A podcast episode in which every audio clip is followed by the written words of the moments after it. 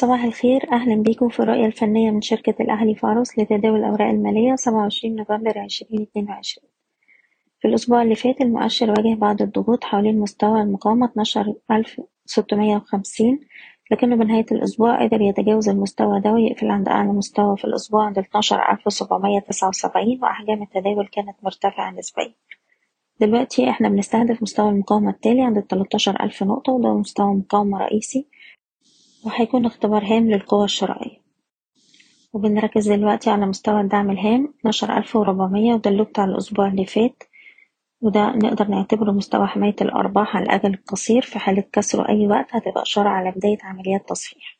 مهم جدا دلوقتي إن إحنا نرفع مستويات حماية الأرباح لأقرب دعم حسب كل سهم على حدة بالنسبة للأسهم المجموعة المالية هرمس قدرت الأسبوع اللي فات تقفل فوق مستوى المقاومة بتاعها تلاتاشر جنيه خمسة وتمانين وبالتالي السهم دلوقتي بيستهدف مستويات الأربعتاشر ونص والخمستاشر ستين ونحتفظ بالسهم طول ما إحنا فوق مستوى التلاتاشر جنيه وتلاتين قرش.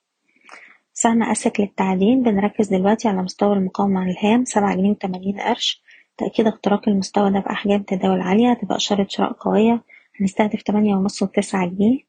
والناس اللي معاها السهم بتحتفظ طول ما إحنا فوق مستوى السبعة جنيه وأربعين قرش. سهم فوري مازال مستهدف عند الخمسة جنيه ونص. أي تهدية هتبقى فرص للشراء. أقرب مستويات دعم عند الأربعة جنيه سبعين ويلي مستوى الأربعة جنيه وستين قرش. والناس اللي معاها السهم بتحتفظ طول ما هو فوق الأربعة جنيه وربع. سهم إيتيليس بيجرب دلوقتي على مستوى مقاومته تلاتة جنيه وستين قرش. تأكيد اختراق المستوى ده هنستهدف تلاتة تمانين وأربعة جنيه.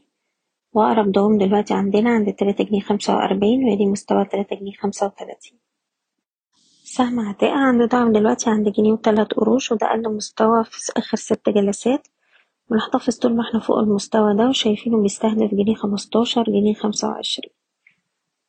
سهم e-finance شايفينه بيستهدف مستوى سبعتاشر أربعين وتمنتاشر جنيه. أقرب دعم عند الستاشر ونص وبنرفع حماية الأرباح لستاشر جنيه.